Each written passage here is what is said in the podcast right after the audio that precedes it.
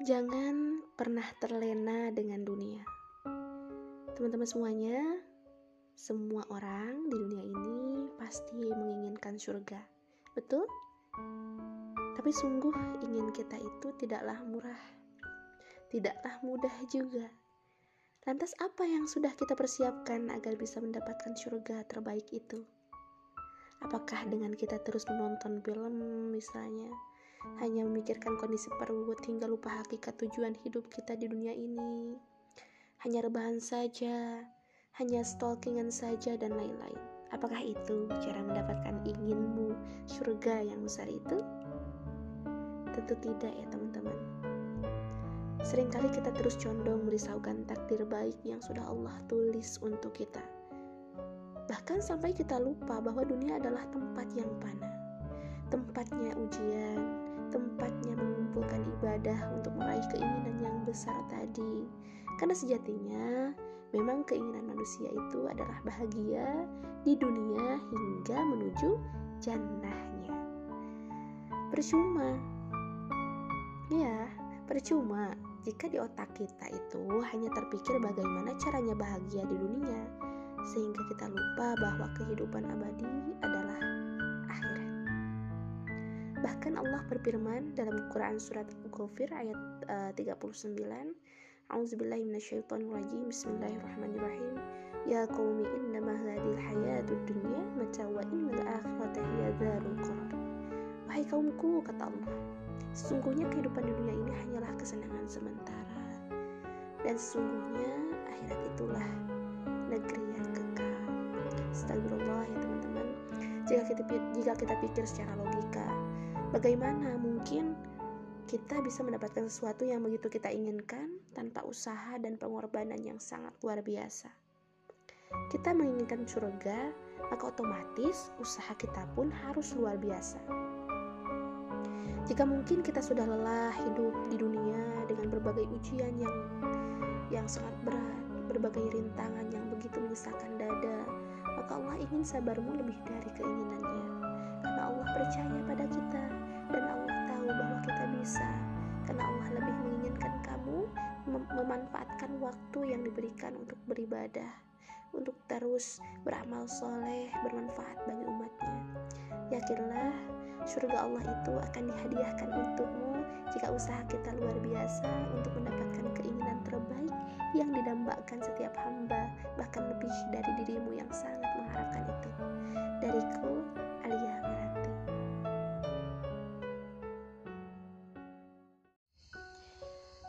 Mengapa harus aku? Ya, pernahkah teman-teman merasakan bahwa ya Allah, kok cobaan dan ujian yang datang sama aku kok gini banget sih ya? Belum juga beres ini, udah ada ini. Datang juga yang baru. Astagfirullah. Rasanya aku ingin sekali menghindar dari semua ini. Pernah merasakan hal seperti itu, teman-teman?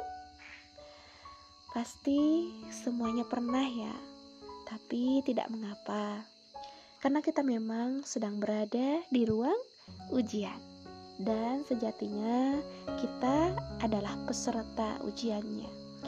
Masalah itu adalah cara Allah untuk menguji keteguhan iman kita.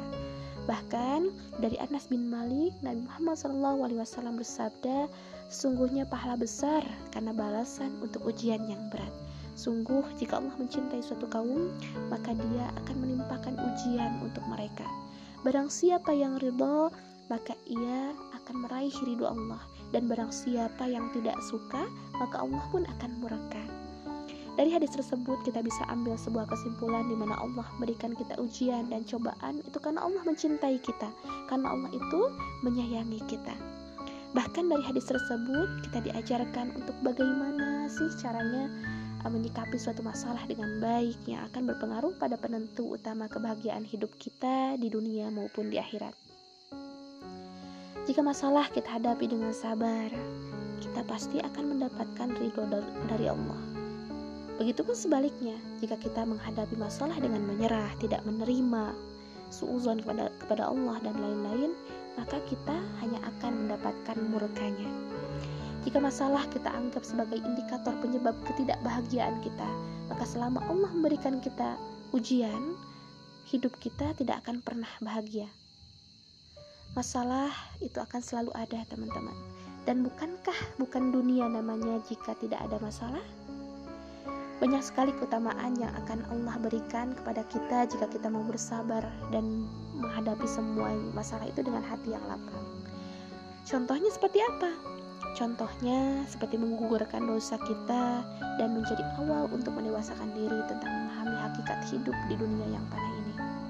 Dan masih banyak lagi keutamaan dari sikap kita menghadapi suatu masalah dengan sabar. Masalah teringan sampai masalah yang terberat sekalipun yang datang dalam kehidupan kita itu adalah atas izin Allah. Dan Allah itu tidak akan memberikan suatu ujian melebihi batas kemampuan hambanya la yukalifullahu nafsan illa Al-Baqarah ayat 286 Allah itu tidak akan membebani seseorang melainkan sesuai dengan kesanggupannya. Maka dari itu teman-teman libatkan Allah dalam segala hal.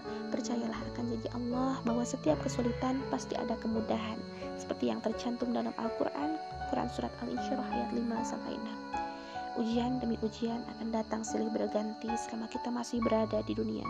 Namun, apa pun yang terjadi, hadapi dengan sabar dan terus melibatkan Allah. Wallahu a'lam.